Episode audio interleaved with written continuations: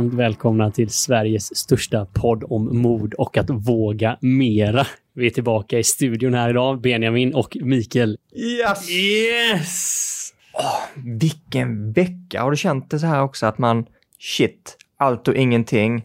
Som Arnold säger, well, if you need more sleep then you sleep faster. Jag tror att det blir en riktigt bra Arnold-ingång till dagens avsnitt. Ja, för dagens avsnitt handlar lite grann om det här. Har du som jag har haft den här veckan, haft mycket att göra, man känt att man sprungit hej vilt mellan olika delar. Vilken prioritering har man egentligen gjort? För alla har vi ju 24 timmar om dygnet. Så hur kan man egentligen tänka och reflektera och både gå lite mellan logik och känsla för att öppna nya möjligheter i det här pusslet, oavsett om det är på jobbet eller i livet. Det ska vi utforska lite mer i dagens avsnitt av Våga Mera.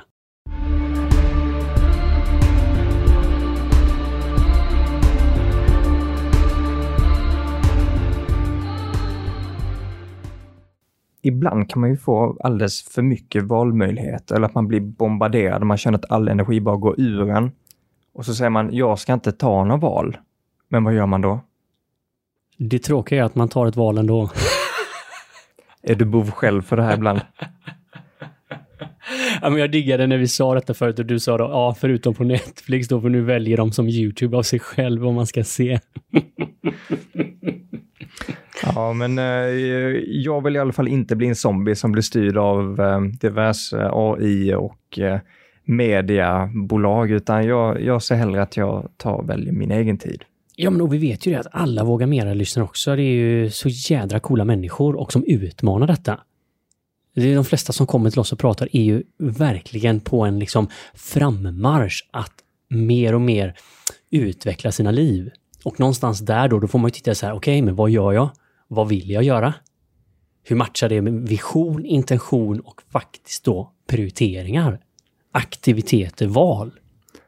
Så det här avsnittet gör vi för vår egen skull, men också för er, för vi har fått en hel del eh, positiv feedback. Och man har ju, när man gör podd så får man in statistik på vilka avsnitt som är mest populära och vilka som har mest lyssnartimmar och eh, flest klick och så här.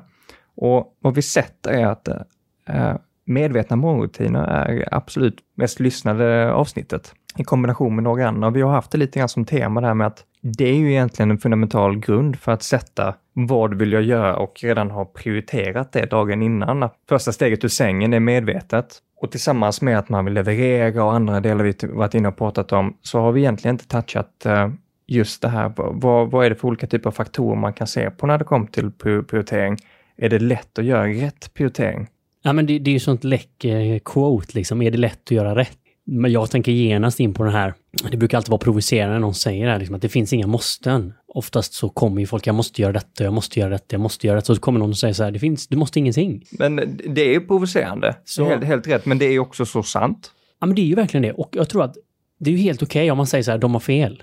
Men det är fortfarande så, vi måste ingenting. Vi kan ju ändra allting imorgon. Vi måste ju inte äta heller, man blir jävligt hungrig liksom. Men, men, men, det är klart, man har ju tagit på sig vissa roller så det är klart vi har förpliktelser och det är ju inte det vi säger att man ska skita i dem. Men det är ju intressant att liksom vrida lite på sina tankemönster för att sen också kunna välja. Jag måste inte gå till jobbet men jag väljer att gå till jobbet. Det är jävla skillnad i mindsetet. Att prioritera är också att välja. Ja, och välja bort. Och välja bort. För det är säga naturligt. ja och säga nej. Säga ja, säga nej. Eller säga ja så säger vi nej som till annat som vi sa en annan gång. Och det det här blir ju väldigt spännande. Hur gör vi det och vad behöver jag göra för detta? Hur ska det lira med mitt liv i det stora hela? Kommer ihåg första gången? Det var så Chalmers mentorskapsprogram som jag var med och hade en mentor från Volvo och vi fick lite olika uppgifter. Och det var det är ett klassiskt och säkert många av er som lyssnar som har gjort den här övningen. För mig då var det första gången livshjulet. Man fick liksom en cirkel, ett A4 med en cirkel på så var det helt tomt. Du har säkert gjort den här Benjamin i någon kurs. Klassiskt förklara, inspel i... För, förklara för mig hur det, hur det går till klassiskt inspel i ledarskapsutbildningar och olika delar. Och jag kommer komma tillbaka till varför den kommer in här, men vi kan titta på den nu. Så man har liksom en full cirkel och det symboliserar mitt liv eller min tid. Och sen så börjar man att dela upp den här cirkeln i som tårtbitar. Och då kan man säga att det finns till exempel fyra huvudtårtbitar då. Som kanske är eh, jobb, familj, fritid. fritid. Och sen då kan man dela in de här i lite mer olika. Får man bli lite mer personlig. Hur ser det ut för mig? Och då kanske det var, vet, så satt man och ritade så som man säger shit, den här jobb eh, tar ju nästan upp hela... Sova är den fjärde, just det. Ja, men liksom jagtid eller egentid eller hobbys. Eller man kan lägga in ganska mycket på den. Sova, sömn kan ju vara en sak. Hobbys, eh, tid med mig själv. Men du ser vart vi börjar gå, att, att man, får, man inventerar. Kan man säga så här, jag tar en dag, jag tar en vecka. Inventerar, hur ser det ut? Och där får man vara ärlig mot sig själv. Liksom. Men om vi vill använda den modellen för att eh, till exempel få fram en bas för en prioritering, så börjar vi med att titta på oss själva ärligt. Och för någon då så kanske det blir bara så här, ah, men fan det här är livet bara och, och det här lirar så jävla bra. Men för någon annan så blir det så här, 20 timmar lägger jag på jobb. Och den egna för min hobby och liksom egen tid med mig själv, den tårtbiten försvann för tio år sedan. Och familjen, ja, den har jag bara liksom nästan ingen tårtbit heller till. Familj och vänner, non-existing också. Alltså det kan vara jävligt ögonöppnande. Är du med? Jo, jag, jag, jag är med på vad du menar och vad jag vill se det här som är i grunden till prioritering är att, att man vill välja vad som är rätt för sig själv och inte se det på tid. Och det är det här som jag tycker blir så intressant i, om man tänker mer moderna företag som där man tar bort det här från att sitta 8 till 5, 8 till 5 eller 8 till 7. För klassiskt sett så har, har folk som jobbat länge varit mer um, framgångsrika och så här, man ser att folk vill mer. Men att istället kolla på värde. Och det tror jag man kan applicera på, på allt. Ja, ja, och nu gör vi ju den här skanningen, eller den här inventeringen. Vi säger drönarperspektivet lite grann. Vi zoomar ut, vi tittar på oss själva med ärliga ögon på ett jävligt basalt och enkelt sätt, men ändå så här, okej, okay, så här ser det ut. Första frågan är ju så här, vill jag att det ska se ut så här? Annars börjar vi ju nära oss någonting. Okej, okay, det är dags att kanske prioritera att göra annorlunda, att kliva in i den här september, hösten med lite nya prioriteringar flytta om någonting från plats 7 till plats 2. Ta bort 3, 4, 5, 6, 7. Saker börjar hända liksom. För även om du har då, om vi tar eh, din illustrering här av tårtbitar. Om man säger att man delar in i tid. För vad många ofta säger att jag har inte tid. Alla har lika mycket tid per definition. Det är så vi har delat upp ett ja, år, Ja, alla månad, har ingen en, tid. Det tror jag vi kan också vara helt ärliga med i dagens samhälle. Och jag tycker att tiden är det alla har. Sen hur du väljer att använda din tid, det är där du känner att den inte räcker till eller att den räcker till. Räcker din tid till? Min tid räcker till precis lika mycket som alla andras tid räcker till. Jag Gör rätt prioriteringar alltid? Nej, jag är glad när jag gör det ibland. Men vad jag vill säga här, för jag tycker det är jätteviktigt, är att bara för att man lägger tid på saker och ting så behöver inte det resultera i att man blir glad, lycklig eller att folk runt omkring sig blir det. Det klassiska exemplet är föräldern som försöker lägga sitt barn, till exempel. Jag läste det här i en bok av Jordan Peterson, han, han pratar om uppfostran och kvalitet av tid. Och det var en procedur varenda kväll på nästan två till tre timmar. Barnet ville inte sova, för det handlade om uppmärksamhet, det handlade om kvalitativ tid. Varav de bytte approachen för den här coachingen då, till att fokusera mer på barnet eh, väldigt intensivt och lyssna och, och ha en interaktion på ett annat sätt. Det resulterade i att det blev inte fighting. Det blev inte den här destruktiva två, tre timmar bråket varenda dag för att barnet inte hade fått uppmärksamhet. Och jag tog så fundamentalt på det här med kvalitet bättre än kvantitet. Och kan man då ha riktig kvalitet med sina interaktioner med människor eller vad man väljer eh, att göra, då ger det en och andra så mycket mer. Nej, men du är ju inne på liksom nästa dimension av det här om man säger att eh, tid är en, en faktor och ett enkelt sätt att titta på hur lägger jag min tid bara? Det är ju faktiskt så att tiden du lägger är ändå det du har. De människorna eller de aktiviteterna som du lägger din tid på, det blir ditt liv. Så sen kan vi också säga så här, nej men tid i sig räcker inte. Du kan ju ställa in din kropp på ett möte. Jag, jag hade en föreläsning hos ett företag i, i, fredags och så gjorde vi en invitering och så frågade vi så här, det är tio på, personer på ett möte. Det sitter tio kroppar runt detta bordet. Hur många av de här personerna är på mötet? För vi pratade om närvaro då och fokus. Och så började vi då Alltså det här var så jävla chock för mig. Det här är ett modernt, jävligt coolt företag. Unga, coola människor. Och de är helt överens om att noll personer är på mötet. Liksom med hela sin närvaro. att alla är i andra tankar. Av historiska tankar, ältande eller framtidsplaner. Och det var liksom, jag trodde vi kanske skulle säga 50-50 eller något så här. De bara, nej, alla inklusive han som håller i mötet. För han är bara stressad. Att, att hålla mötet, ja. Att hålla i mötet. Chris eh, Bailey har gjort eh, lite forskning på det här. Och då har han gjort eh, som en, vi tycker ju om tårta här och pizza slices. Om man ska liksom generalisera så en tredjedel av sin mentala energi på liksom hur man tänker, tänker man i nutid. På vad som görs just nu man lägger eh, 55 procent av sin liksom, kapacitet på att tänka på vad händer imorgon? Eller vad händer fram, eh, i framtiden? Av eh, 30 procent av de 50 vad händer imorgon? Så att man, liksom, man lägger lika mycket tid på att fokusera på och tänka vad ska jag göra idag, vad ska jag äta, ska jag träna och så. Till vad ska jag göra imorgon? Och eh, ungefär så 15 till 20 procent av sin tid tänker man bakåt på saker som har hänt och aktiviteter. Och antagligen i det här mötet var det ingen som tänkte på vad som hände i mötet, vad som ska hända, utan det var mer okej, okay, vad shit. Uh, vi har pratat lite grann om sociala medier och distraktioner i sig. Och allt sånt här får en att, att tappa just den här koncentrationen, det här fokuset som är så viktigt. Oberoende på vad man gör, att du gör ju ingenting om du inte kan fokusera på det. Då driftar du egentligen bara. Ja, ja, alltså man känner ju redan bara när du pratar om det här. Alltså, då ser man ju människorna, du vet, det vibrerar i klockorna. Sms kommer in, du ser, du snackar med någon och helt plötsligt så sitter de och trycker på sin klocka och den ene scrollar på Facebook och den andra har datorn uppe och den andra ser bara fullständigt frånvarande ut trots att han inte har någon teknik nära sig liksom. och den fjärde sover. Och, och det här blir ändå så fundamentalt för dagens samtal just om att, att prioritera och liksom konsten att prioritera, medvetet prioritera. Att eh, jag kan ju absolut relatera till det. Jag tror det är många av våra lyssnare som kan det också, speciellt om man tillhör bolag som är lite större. Jag menar, sitter man i ett möte och man är mer än två personer och någon tar upp och lägger sin telefon framför sig med skärmen uppåt. Redan då så signalerar man att okej, okay, jag kan prata med dig, men om den här ringer så kommer den vara viktigare. Eller om det ploppar upp någonting kommer det vara viktigare. Och det är så synd, för det jag tycker det är på sätt och vis också har blivit en, en generell signal som har blivit på något sätt socialt accepterad att det är okej okay att göra det. Det är okej okay att ha en distraktion så nära inpå. Ja, ja, alltså den där är ju långt ifrån. Alltså alla andra saker som sitter på kroppen är mycket närmare.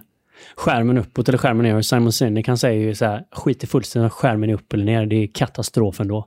Och då har vi inte ens kommit in på folk som sitter och tagit med sig laptopen och öppnat upp skärmen och äh, jag tar bara not samtidigt. Jag vet så många som sitter och aktivt mejlar andra folk under tiden man är i ett möte. Då är det så här, ja. Ja, jag har gjort det jävligt många gånger också. Alltså, jag har varit på många möten och varit eh, förbannad på han som håller i mötet. Tyckte att halva gänget var losers och resten var efterblivna. Och du vet, den tredje ska vi inte prata om liksom. Vad var jag då någonstans? Bidrog jag till mötet bättre? Jag var ju en rebell. Var det du som var loser eller var det? ja, det, det lämnar jag osagt.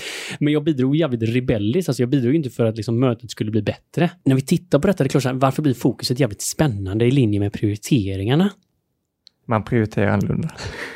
Oh, nej. Men jag vill komma in lite grann på det här, för att vi touchar lite grann på det. Jag tänkte nästan eh, hoppa in ganska direkt på att göra aktiva val man kan göra val på olika saker och eh, Mikael, du är väldigt entreprenörsk i sig och du har ju både företaget du jobbar som, som vd för och du har ditt eget företag och yogan och ja, podden vi gör tillsammans. Här finns ju en massa grejer som händer. Det i sig är ju ett eh, sätt att se det från. Vad, hur, hur hanterar man som en entreprenör, både liv och aktivitet?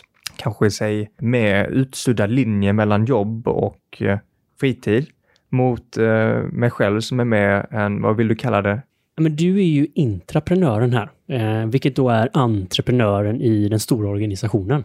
Det finns ju de som kanske inte skulle kalla sig intraprenör heller, men intraprenören har ju fått lite mer, eh, vad ska man säga, uppmärksamhet det senaste. Den som utmanar, vill göra saker annorlunda, som driver på, som kanske inte accepterar standarder. och Tänker entreprenöriellt, att skapa värde, att skapa nya idéer och så vidare, men i en stor organisation. Där har vi dig Benjamin. Och med de här två olika infallsvinklarna i samma våga med-anda, att vilja med och vilja leverera med, både fritid, jobb, så tänkte jag att vi kan gå in och utmana lite grann mot det här ämnet att vad gör du prioriteringar på Mikael och hur tänker jag? Så jag tänkte vi hoppa in lite grann mot din vardag och, och varför jag säger vardag är att, att prioritera mot vissa specifika händelser är en ganska liten del av, av, av livet. Vardagen är livet, lite grann.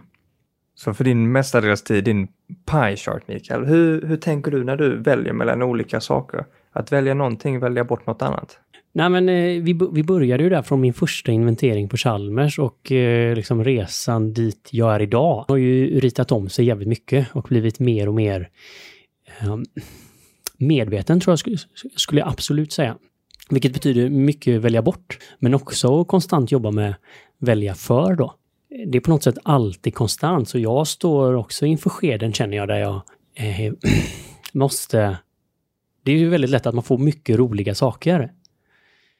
Och eh, nej, ibland, jag kan nästan liksom bli stressad när jag tittar på mitt liv snabbt och ser shit, liksom. Med mina gamla ögon så skulle det här vara omöjligt att vara VD för ett företag med 11 stycken anställda, att eh, hålla på att utveckla Volition Studios samtidigt och eh, utveckla andra idéer, driva podd och alla de här bitarna. Och samtidigt nu då så tittar jag på det och säger att jag har mer tid över än någonsin också. Men vissa dagar så kan jag bara känna shit, it's too much. Så det här är ett konstant spel på något sätt. Och, och kontinuerligt arbete, det är inte ett statiskt läge. Jag kommer också komma till lägen där jag får göra förändring eller ändringar. Och hitta liksom samspelet i detta. Så för mig har det en väldigt stort skifte varit kanske hur jag har prioriterat om. Att det handlar inte bara om att göra, utan det handlar om att vara också. Att jag jobbar liksom med mitt varande som en viktig bit. Och hur menar du med det? För nu kommer vi in på lite grann din metod för prioriteringar. Ja. Och att varande, vad är, innebär det att man är i nuet? Innebär det att man planerar för pensionen? Vad, vad är varandet? Alltså, det, jag skulle säga på engelska då state of being. På svenska varandet alltså. Eh, man kan också prata om medvetandestadie. Att, att försöka så mycket som möjligt sätta förutsättningar så att jag kan vara i mitt högsta stadie. Så det här vi pratar lite grann om Chris Baileys matris på 33 procent av ditt medvetande lägger du mot idag och eh, 33 procent på morgondagen och 55 fram, alltså att man spenderar så lite tid. Du försöker bredda det här ännu mer och vara väldigt mycket i vad du gör nu. Ja, närvaron är en, en jättenyckel i detta, liksom, om man pratar liksom medvetandetillståndet. Absolut närvaro, alltså inte närvarande, men då är jag inte ens där. Så då, då failar det liksom. Men det hänger väldigt mycket ihop med fokus också. Om jag är närvarande då kan jag vara fokuserad på den saken jag gör just då. Jag kan, som du hörde, men jag gör många olika saker. Men förr var jag ju sällan närvarande i det jag gjorde. Du bara gjorde jäkla massa ja, sjukt saker. mycket jävla saker. Jag var, jag var hyper på många sätt. Alltså det var fortfarande helt okej okay och jag försökte vara snäll och vänlig och sånt, men jag var ju också hyperaktivitetsbaserad. Well, six hours of sleep, that's good sleep. If you need more sleep, if you need seven, eight, you just sleep faster. Alltså jag har inte hört innan, jag älskar det redan. Sleep faster. Nej men och det är väl där vi har försökt att prova. Och sen så bara, okej, okay, men det är inte det då som är nyckeln, att sova mindre. Det kanske de flesta har testat. Effektivt en vecka eller två. Ja, eller som jag som har försökt hitta alla gadgets för att förbättra min djupsömn så att ja. jag kan sova mindre. Och är det resultat av andra val som kanske inte varit de bästa eller försöker man krypa undan från någonting annat? Ja, och då kan man säga så här, men hur vill vi ha vi, vi har pratat lite om flow och, och sådär, så, men hur kan vi ha så mycket energi i det vi gör? För vi säger så här, dit vår uppmärksamhet går, det är det som växer. Det är fakta liksom. Vår uppmärksamhet, dit följer energin och det är det som växer. Så det vet vi och då måste vi börja säga, okej, okay, men var är min uppmärksamhet någonstans? Och vad vill jag att det ska vara? Vart, vart är jag på väg? Liksom? Det är egentligen två aspekter jag som utomstående försöker ta in vad du säger och det är att, att ha en uppmärksamhet men också att styra en uppmärksamhet. Ja. För att bara vara uppmärksam i sig kan ju innebära att man är uppmärksam på vad man själv anser vara fel grejer i efterhand. Ja, man får alltid vara snäll mot sig själv också. Alltså förlåtelse är jätteviktigt i den här processen. För när man börjar titta på saker och ting, när man ökar sin förmåga att se, alltså vi kan ta uppmärksamhet, det vill säga drönaren, vi lyfter drönaren, helt plötsligt ser jag lite mer. Man kommer se saker som man inte är så himla stolt över. Du menar typ snosande? Ja, men jag snosade häromdagen och bara hör, hörde din röst liksom. Jag bara okej okay, Mikael, det är dags igen. Sleep faster. eh, man måste förlåta sig själv. Jätteviktigt. Man måste vara jättesnäll mot sig själv i en utvecklingsresa. När man pratar om då varandestadiet eller närvaron som vi känner. Alltså, var, var är jag? Hur är min energi och vad bidrar jag med? Är jag stressad? Är jag lugn, harmonisk, kärleksfull? Hur är jag mot människorna runt omkring mig? Är jag triggad? Alltså, de flesta människorna jag träffar vet ju inte. De är i ett automatiskt stadie, inte ett medvetet stadie. Det här är på vara-stadiet. Detta hoppar vi oftast över helt i prioriteringar. Så tänker vi bara att det handlar om att prioritera aktiviteter. Och då säger jag så här, prioritering av aktiviteter är nummer två. Du ger mig en fundera för att jag håller med, men jag vill lägga till delar, i alla fall i sättet jag prioriterar. Närvaron är nyckel, håller helt med. För mig så är också målet och visionen på vart du vill. Inte bara vart du vill, men vart du jobbar för. Det kan vara ett företag eller ett förhållande, det kan vara en hel del olika äh, grejer. Utan målbilden för mig så har jag inte rätt äh, möjlighet att prioritera mot det. Och då kommer vi in på vad är det jag ser värdet i de olika aktiviteterna? För alla vet vi att vi har tusen aktiviteter och vi har antagligen tusen till som vi borde göra, tycker vi eller andra. Och fällan är ju att, och det här möter jag väldigt mycket när jag pratar med sälj, varenda kund är den viktigaste kunden. Vilket innebär att alla tycker att jag borde prioritera dem framför deras kollegor. Och hur kan man då ta fram metoder för hur man gör och prioriterar hur jag kan hjälpa bäst utifrån vad organisationens bästa och då måste man nog in den här längre visionen och bilden. Så jag hade velat säga att eh, närvaro absolut jätteviktig. Närvaron eh, är grunden för att man ska kunna interagera med en aktivitet. Men att hela den här sfären runt omkring måste vara en, en, en väg, en vad man kallar det direction på engelska och, och att det här måste gå mot eh, toppen på berget eller mot stjärnorna eller vidare. Alltså, det är ju verkligen precis så som du säger att eh, vet man inte vart man är på väg så vet man säkert att man inte kommer dit. Det, det är lätt att kanske säga när man har fått liksom, direktiv att vad, vad företagets vision är eller företagets mål. Alltså, de, de flesta studier visar att det inte är så många företag som vet det heller, men det är åtminstone lite lättare. Ofta i livet så känner man att det här känns jävligt flummigt. Så, så det här liksom, den här prioriteringsordningen som, som jag pratar om egentligen, ett varande och två görande, det är precis det här som du säger som är så fint att du lägger in för att det är för att öka vår förmåga att kunna röra oss i en riktning med livet. Att både drivas av en vision och sen tuition. Så varandestadiet ger ju oss mer och mer access till de här dimensionerna. Det här är ju subtilare dimensioner. I logiskt tänkande och i tankarna, det är liksom där majoriteten av oss är den mesta tiden. Och det är det vi föder all energi till. Och då kan man lägga in närvaro, icke närvarande och sånt så. Bara ältande av tankar hela tiden. Så för att man till exempel då som magkänsla, en klassisk guidning som är lite bortom tanken. Men har visat vara så bra. Och jag som är datadriven har svårt att ibland förstå det, men när man hör folk, jag gick på magkänsla och det blev så jävla bra. Ja, men alltså, det är ju lite så här då bara okej, okay, men kommer vi att bedriva framtidens företag? Har du någon data på det? kan vi göra en Excel-fil på det? Nej, men det bara kändes så jävla rätt. Så... Men, men det, det, är så viktigt, för jag vill bara lägga till det här, det här med att har du det ena med det andra, så tror jag inte att man rör på sig. Vi pratade om att följa drömmar. Eh, också ett av de populära avsnitten att veta vad drömmen är, det är ju steg ett. Men att inte kunna röra sig dit, då är det bara det här avlägsna målet. Så ja, de, är, de, de, är ju ett giftermål de här två. Ja, ja, och det är det här som är så fräckt, för det här börjar hända någonting. De flesta väljer ju kanske en av bubblorna. Antingen är man då den mer subtila, liksom den som kollar logiskt på det, säger den flummiga. Och så är man kanske den som gör bara i Excel. Excel ska få berätta. Antal kolumner här så multiplicerar vi så får faktorer så får vi det vi ska göra. Och det är den då symboliserar den logiska delen. Men så säger du nu så här, ah, men shit, det magiska måste ju ligga i att, att kunna jobba med båda de här dimensionerna. För att om vi har en intuition, en vision, vi har en vision och sen får vi intuitiva känslor, vi har access till den här signalen, så kommer vi upp dit. Shit, jag måste planera. Tydlig aktivitetsplan. Vilka tre steg ska jag göra för att röra mig i den här riktningen? Pang, handling, action. Då börjar det hända någonting, eller hur? Exakt, då börjar vi röra oss mot målet. Men ska man generalisera någonting, varför det här är flummigt då, den flummiga biten, eller när jag pratar om vision, magkänsla och intuition, det är ju att den är vi avskärmade ifrån idag. Man har väldigt lite access till den överhuvudtaget för att vi ger inte den något utrymme och vi är i vårt huvud hela tiden. Och vi kanske till och med är i liksom fight and flight mode, liksom hjärnan är stressad. Nervsystemet är hyperaktivt. Och den här stressen kan vi alla känna igen oss i. Absolut. Vi hör ju här både hur stort och komplext det kan bli. Men om vi säger så här, lite kort så zoomar vi ner bara. Jag vet ju att du har ju massa saker på ditt jobb och jobbar konstant med prioriteringar hela tiden. Har du några sätt eller verktyg som du gör detta för att vara effektiv i din, i din vardag och din yrkesroll? Min roll är ju att serva andra, kan man säga. Jag, jag jobbar mot en utvecklande enhet så att vi har ju globalt sett väldigt mycket olika saker att hela tiden prioritera mot. Diverse industrier, you name it. En av de viktigaste delarna är just prioritering. Vart ska vi gå och varför ska vi gå dit? Och vad jag har jobbat mycket med, det är att eh, se till att vi har rätt material att kunna ta besluten på. Det finns inget värre enligt mig att, att bara ta beslut för att beslut ska tas. Då blir man lite där att okej, okay, vi, måste, vi, vi måste ta beslut och det brinner och vi ska bara släcka.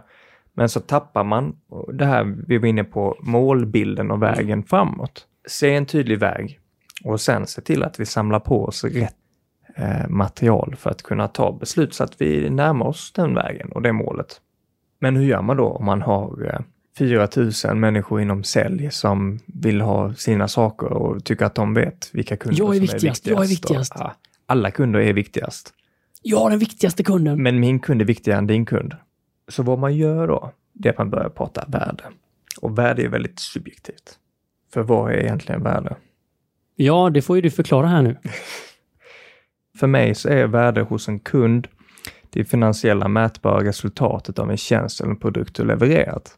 Och helt plötsligt så börjar vi kunna sätta lite data på det här. Då börjar vi kunna se, okej, okay, vad, vad handlar den här affären om? Kan vi estimera tiden det kommer ta att göra en typ av feature eller en utveckling eller en integration? Och sen så sparar vi det här som ett case. Så att vad jag gjorde, det var att bygga upp ett sånt här system och process där man ser till att samla data så att man har någonting att ta beslut på, alltså bygga ett beslutsunderlag. Men det är, ju, det är ju häftigt ändå att försöka vara lite binär, om vi säger så, lite logisk också för att kunna applicera en modell och en tanke och kanske provocera lite som du säger. Väldigt tydligt här då hur du skaffar underlag för att ta beslut baserat på värde i då organisationen, vilket du säger är cash. Eh, och det är det här som gör en komplexitet i sig när det kommer till att, att prioritera. Men jag, jag tänker inte liksom gå, gå, in på för mycket detaljer där. Jag, jag, Nej, men det är, det är väldigt intressant eh, det du har nämnt och jag tycker bara så som du gick in i det hela så sa du så här. Släcker jag bränder eller jobbar jag proaktivt? Mm, för vad jag vill säga här lite grann när det kommer till att ta beslut är att prioritera. Och hur många är det idag som inte tar beslut och prioriterar utan att egentligen ifrågasätta? Och ja, fine, man ska väl inte bara ifrågasätta och stampa på samma boll och samla data i flera månader och sen så missar man och hoppar på den bollen och man är så långt bak. Det är inte det vi pratar om. Vi vill vara snabba på beslut, men vi vill också med en så hög sannolikhet som möjligt ta rätt beslut för situationen.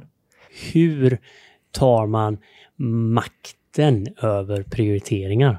Separera fakta mot känsla. Till dess att man får känsla för vad som är fakta. Nice! Ta penna och papper. Kan vi kalla det som fakta? Börja skriv ner, rita. Vi började ju här ganska tidigt, du och jag, så gjorde vi en sån här klassisk fyrfältare. Ett klassiskt prioriteringsverktyg. Man ritar två streck, ett kors. Så får man fyra stycken rutor utifrån det. Och då på den här så ritade vi in till vänster, inte viktigt. Till höger, viktigt. Uppe, bråttom. Nere, inte bråttom. Och så började vi kryssa in olika saker där. Så sa du, men shit, men den här saknar ju en dimension. Den här saknar ju också vad som är kul. Jag tycker att vi, vi tar med oss den och på något sätt summerar kring den att från brandsläckningen, titta lite proaktivt. Vart vill jag? Vart är jag på väg? Och så skjuta ut en förankring där, en aktivitet. Att den här aktiviteten kommer att ta mig i den riktningen. Och koppla ihop det med att det här är någonting jag faktiskt tycker är kul. Och kan man bara göra de stegen så kommer ju det ju att sätta andra bollar i riktigt härlig rullning. Och lära sig att finna inspiration av andra. Det är ett sånt klassiskt fenomen om man vill komma i en riktning är ju att ta rygg på någon som redan är i den riktningen. Så jag tyckte det här så jävla skönt, vem som sa om du vill börja gymma, hitta inte och försök övertyga en annan polare om att nu ska ni börja gymma. För det du behöver göra är att hitta någon som redan gör det som du vill göra. Och så tar du rygg på den personen, för den har ju redan lösningen. Ja, men det där är en fin metafor för livet. Ska man gå in och försöka eh, rätta upp någon annans liv när man själv vill rätta upp den biten? Nej, det här är nog ett av de bästa eh, Våga Mera-podden eh, förslagen ever.